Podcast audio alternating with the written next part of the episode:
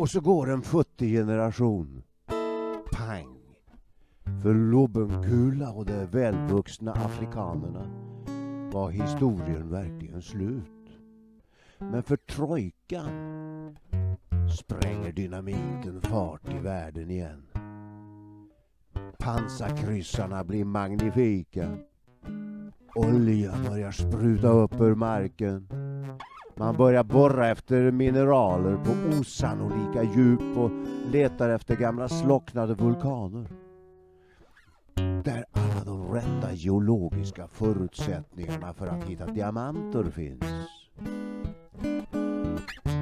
Engelsmännens fairness och förfining urartar i Lord Kitcheners förstörelse av Madis Gravi om Durman. Byggandet av koncentrationsläger och De Beers diamantmonopol. Hedin gillar Kitchener på samma sätt som Achberg gillar Stalin och Churchill eh, Rhodes.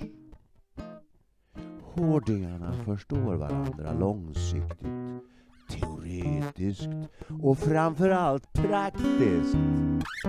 Explosiva energier. Okuvlig arbetsförmåga. Full fart framåt. Handelsmän kommer i snabbseglande ångfartyg med Marconis nya radiovågssändare. Det undras i Indien om det verkligen ska behöva vara så att London ska avgöra vem Kitchener äger rätt att avrätta. Imperiet skakas både här och där av synnerligen allvarliga telegram och bovorna måste kväsas. Något som också lyckas till sist. Och ännu är engelsmännen långt ifrån uträknade. Även om deras kolonier uppenbarligen skakar. Ser man sig omkring så upptäcker man att eh, den svenska organisationens förgreningar, den är engelska, finns kvar i världens alla hörn. Neutral svensk kan jag rätt värdera engelsk organisationsförmåga och där jag ser den. Efter den engelsk-rhodesiska segern ska hela Johannesburg-regionen byggas upp under engelsmännens färla och diamanter och guld ska vräkas upp ur berget. Man bygger snabbt och gränslöst. De kolonialistiska finansiärerna betalar skatt hem till sin nationalstatliga riksbank. Men urbefolkningen som inte fått allt för mycket för sina offer står och gapar av skräck och bävan. Mer eller mindre frivilligt börjar de arbeta tillsammans med ett myller av nykomlingar till deras land med att gräva fram mineraler ur sina gamla heliga berg. Inte ens romarna och Caesar fick fram lika mycket värden ur de iberiska gruvorna som Beit, Barnato, Rothschild och Rhodes. I det djupa hål som såg ut som jättespindlars bon med nät spunna av stålvajrar och ett sjödande gin whiskyträsk. Det var knappast en vacker syn. Stora skaror av unga grävande män i dessa heta trakter krävde tre saker för att inte ställa till revolution. Kvinnor, sprit och opium arbetade hårt och där blott väntade dem en ljuv dimma av lustar efter arbetsveckans slut. De stora inkomsterna hade en baksida av förnedring. Kärlekshandeln tog fart med antalet rådiamanter i omlopp. Välorganiserade hallickar kunde snabbt bli rika nog för att åka hem till hemlandet och köpa sig både slott och gård och gifta sig och bli välartade och ingen fick någonsin veta hur det hade gått till. Rådiamanter och berusade gruvarbetare i köpt kärleksrus. Ett kärleksrus som köptes och såldes som vilken annan vara som helst. Först tog man livet av fäder och äkta män. Sedan sålde man deras kvinnor till diamanthandlarna. Det är min själ olika mellan olika delar av världen. Eh, vid gruvorna i Kirunavaara, Stora Kopparberg, Falun, Grängesberg och de andra bergslagsgruvorna handlas på helt annat sätt med kärlek. Det är kanske någonting man ändå som svensk kan vara stolt över.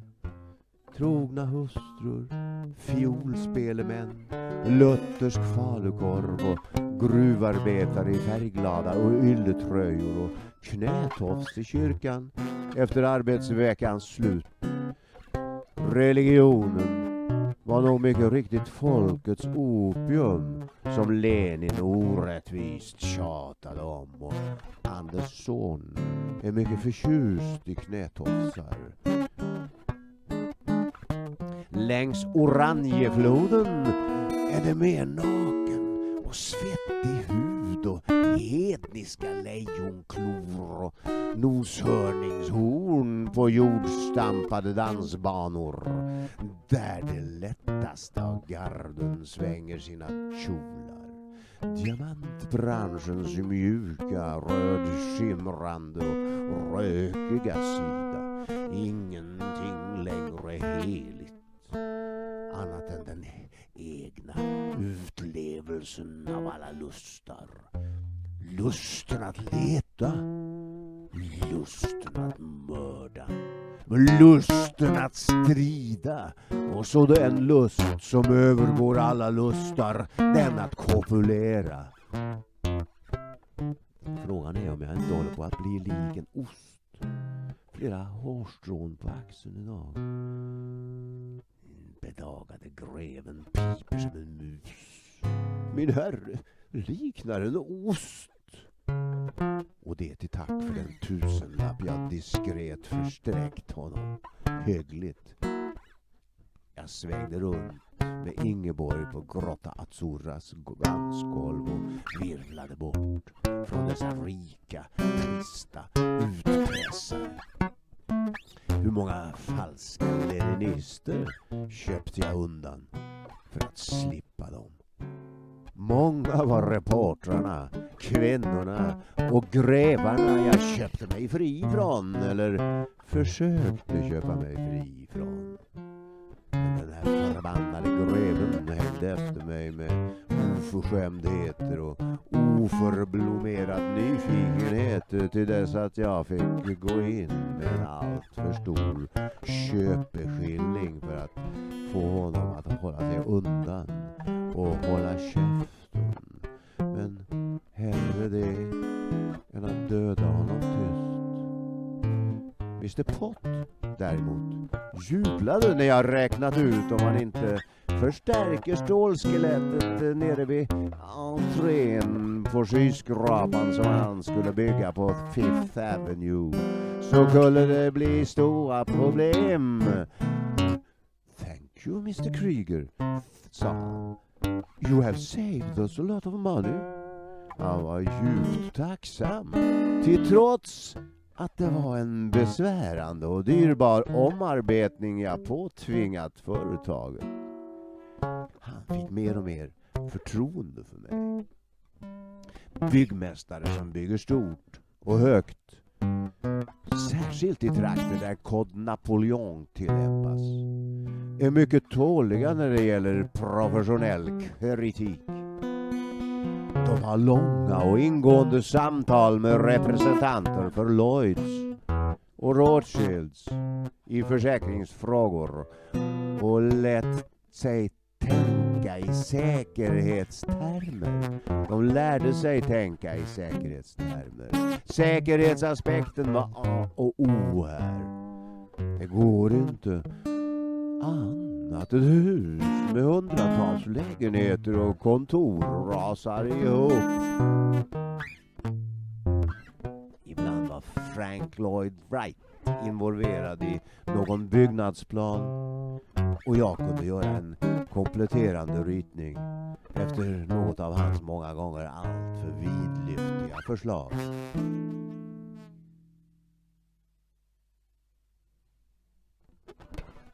Och Mr Pott blev med ens nöjd även om det inte riktigt rörde sig om mitt ansvarsområde förstod han genast vitsen med min lilla korrigering och integrerade den i slutritningen. Sådant var stimulerande. Även om jag var avantgardist när det gällde byggnadskonst så var jag något mer realistisk än Frank Lloyd Wright.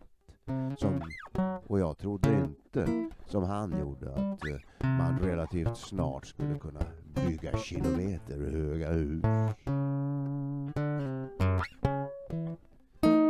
Jag lärde mig av heliga Birgitta hur man kan komma med ytterst allvarlig kritik mot vad de individer som fattade de världsliga besluten hade uträttat utan att de kände sig personligen förnärmade. Hon kunde få fram sin vision till katedralbyggarna och de hade en närmast astrologisk metod för att bygga sina ritningar i en inre andlig värld. Takhöjd, murbredder, välvningar och torn kallade de för något annat än vi kallar det. Men det var samma sak. Lägga sten vid sten och skapa stabilitet högre och högre. Det är alla civilisationer tydligen ute efter. Det kan vara vackert, som under några århundraden i början av medeltiden. Byggnationerna strävar mot höjden. De medeltida murarna har ännu inte fått prioritet. Sjöfararna vänliga handelsmän och inte erövrare. Man har tid att fundera ut hur katedralen ska se ut. Byggnadshyttorna är inspirerande samfund utanför skråväsendets strikta normer. En kombination av frivillighet och betalt arbete. Byggnadshyttorna. Man utbyter tankar och erfarenheter utan skiljelinjer mellan yrkesgrupperna och man bygger en inre värld tillsammans under långskeppets tunnvall. Stora skaror av hantverkare och hantlangare, höga och låga, försöker under medeltidens slut att återuppbygga Herodes och Salomos tempel i stad efter stad i Europa.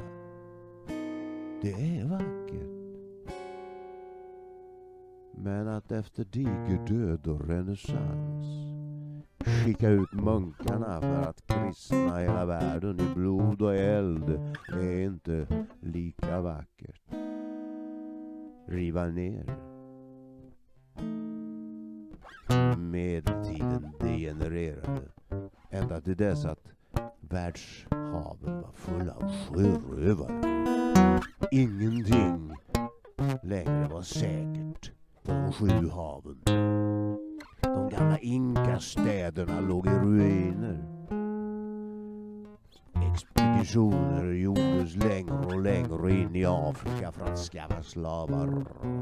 En lönsam handelsvara. Inte ens de enskilda nationalstaterna hade något att sätta emot. Men de var fult, olagligt och barbariskt. Sjörövarkaptenerna Morgan och Gatenhjelm och satt i styråran under sådana tider. Där eh, viskade Birgitta som en idé. som en ängel. Sjörövarkaptenerna Morgan och Gatenhjelm är vid styråran under sådana tider. Där viskade Birgitta som en idé, som en ängel, som ett väsen. som liknade min ungdoms skira kvinnebild om fred och barmhärtighet. Hon var strålande vacker och de nordiska grevarna och baronerna stod i rad och väntade på henne. Hennes makt var en skönhetens giftermål med styrkan. I sin väna litenhet födde hon åtta barn och ruvade på oerhörda Pilgrimsvandrade till Santiago de Compostela med sin make Ulf Gudmarsson som hennes föräldrar kom Pulerunt, runt, ett induxé runt, tvingade att ingå äktenskap med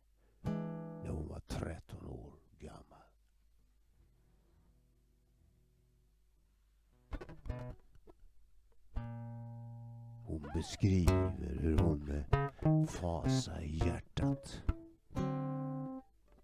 tog emot sin man. Led i äktenskapets boja i 27 år. Befriade sig. Flyttade till Rom och blev Kristi kyska brud. Hon fick genom sin heliga vrede byggmästarna att ställa sig i givakt och gå till verket. Hon odlade rugo, roga, rugosa vid sina slott och tempel. Och byggmästarna höll fram sin respektive kläftevot åt henne att använda fritt. Hon själv hade en nyckel som öppnade tidens vis och fick dem att berätta sina yrkeshemligheter för henne. Hon kunde ha vänt Napoleons vrede och skräck mot honom själv och styrt honom undan destruktivismen. Men hon hade nog inte lyckats styra honom bort från Maria, Luisa, Leopoldina, Carolina, Lucia av Habsburg. Hon som underhöll honom vid flygeln med partier ur Mozarts och Beethovens verk. Hon födde honom hans son, kungen av Rom. Under en osedvanligt svår förlossning. Barnet låg fel, hopklämt och skrynkligt. Drogs till sist ut i öronen, skakades och klatschades, livlös och blå. Fick brännvin blåst in i svalget kyldes och värmdes om vartannat. Och när alla gett upp hoppet efter alla upplivningsförsök kom andningen igång och barnaskriket steg mot plafondmålningarna i det kejserliga gemaket. Några timmar senare steg en luftballong upp från Place de la Carrousel med Frankrikes första kvinnliga flygare, Madame Blancard, vid linorna för att ytterligare sprida ryktet och nyheten om den lyckliga tilldragelsen. Vilka andra lyckliga nyheter släpps till väders av världens krigarfurstar och sjörövarkaptener? De kan piska fram en och annan god hamn, en bärkraftig vägbro eller en smedja. Men allt måste vaktas och skyddas efter att ha vunnits och byggts med bruket av tvång och våld. Där sitter ålkråkorna på ruinerna och torkar sina vingar.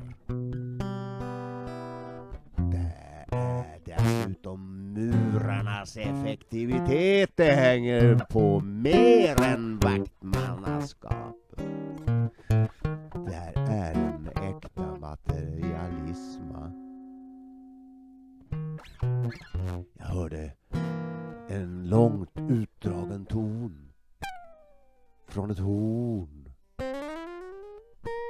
En kornett och såg det materiellas former lösas upp det andligt mer diffusa och förtätas och skärpas igen. Jag var djupt fascinerad av bärighets och hållfasthetsproblematik. Vi analyserade dragprov och testade olika balktyper. Studerade slagprov och jämförde den plastiska deformationen. Vi månade om att spåra alla tendenser till brottanvisningar och sprickliknande defekter. Våra metallurger använde mikroskop och mätte strömstyrkor som släpptes igenom metallen för att avslöja spricktendenser och svagheter. Aldrig någonsin hade det byggts så smäckert förr. Pyramiderna var visserligen större, men inte smäckra. Kinesiska muren var visserligen längre, men nu gällde det att ställa långa hus på högkant. Det var en ny vetenskap och dess utövare var ett uppfinningsrikt släkt och jag trivdes mycket bra samman med dem. Mr Pott var en kvalitetsmedveten man som ville bli känd för sin kräsna stil och sin perfektion. Arbetsklimatet på hans kontor var som en solskensdag i skärgården. Och jag kunde jobba i flera dagar utan att tänka på henne. Men utan förvarning kom hon till mig i sin fulla skepnad av kvinna och viskade sina ord i mitt öra. Och jag såg hennes ögon tåras och jag såg skuggan av demonen bakom henne och jag kände ett sting av olycka, av munkars sak. Men en ny morgon grydde och kaffet ångade hett och jag rusade iväg och kände dofterna nere på gatan. Och det gnisslade av hjul och dunkade av lådor och man ropade hej till mig på kontoret och så reste jag till Tyskland och Würbacher Hütte för att bygga stålskelettet till Hotell Carlton. Jag fick högsta ansvaret för de element som skulle svetsas ihop där och sedan skeppas ner till Sydafrika. Anders Jordahl blev chefingenjör hos Waring Gillow på plats i Johannesburg. Och när vi tog avsked av varandra tittade han mig djupt i ögonen och sa Ivar, nu ligger världen öppen. Låt oss först inta Johannesburg, siden Drammen. Vi vinkade av varandra och det var skön stämning av aktivitet i luften. Alla var påverkade. Det sjöd och pulserade av Exodus. Det var folkvandringstid. Miljoner människor flyttade till USA. Lastfartygen och atlantångarna var fulla av passagerare som ville få tag i något nytt arbete eller någon ny bit land. Nervös aktivitet bland byggare och redare längs bägge Atlantkusterna. I Birbacher hytte var det stor tysk energi som gnistrade och stångjärnshammarna slog och dunkade. Det var lätt att göra sig förstådd med de tyska metallurgerna och jag fick i Svetsloppornas sken fram ett stålskelett på kortare tid än jag trodde var möjligt. Och dagarna gick som ett rus av arbete. Jag kunde få se hur de ritningar vi gått igenom och fullbordat på kvällen redan nästa dag började bli till verkliga stålkonstruktioner och jag kunde direkt se om det fanns någonting som idévärlden i idévärlden som inte kunde eller passade till att bli verkligt.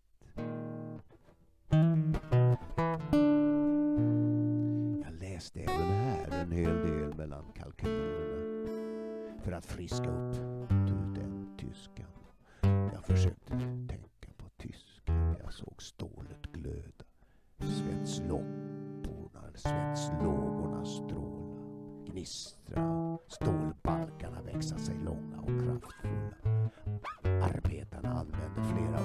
svetsmetoder och i norra delen av fabriken använde man Oskar Kjellbergs metod. Ståltrådar som elektriska elektroder doppade i en blandning av silikat och kol. I södra delen använde man motståndssvetsning som utnyttjade värmeenergin från motståndet mellan materialen. Mefistofelos kom för mig och jag kunde lägga ner pannan lång stund. Kanske rynkade jag pannan och med ögonen fästa på en sekreterare på ritbyrån kunde jag rekapitulera det jag läst på natten. När hon böjde sig för att ta upp några papper liknade hennes kurvaturer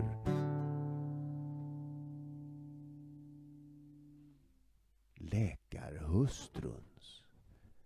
Den bittre och skarpe Mefistofeles bullrade med krigstrummorna och lovade de som var beredda att utnyttja möjligheterna som uppstod under krig stor vinning, guld och ära. Du står på Rhodes sida, sa doktor Faust. Äran är ingenting. Guldet en illusion. Handlingen är allt. Jo, jo. Här konstruerade vi skelettet till världens största hotell och om något så handlade vi verkligen. Du ska bygga dig ett grandiost lustslott, viskade Mefistofeles sirapssött i mitt inre öra. Ett lustpalats där du kan evighet. Med sällskap endast av ett flertal av det täcka könet. Sekreteraren reste sig och gick ut. Doktor Faust morrade. Din moral är lika dålig som den är modern. Sardanapall.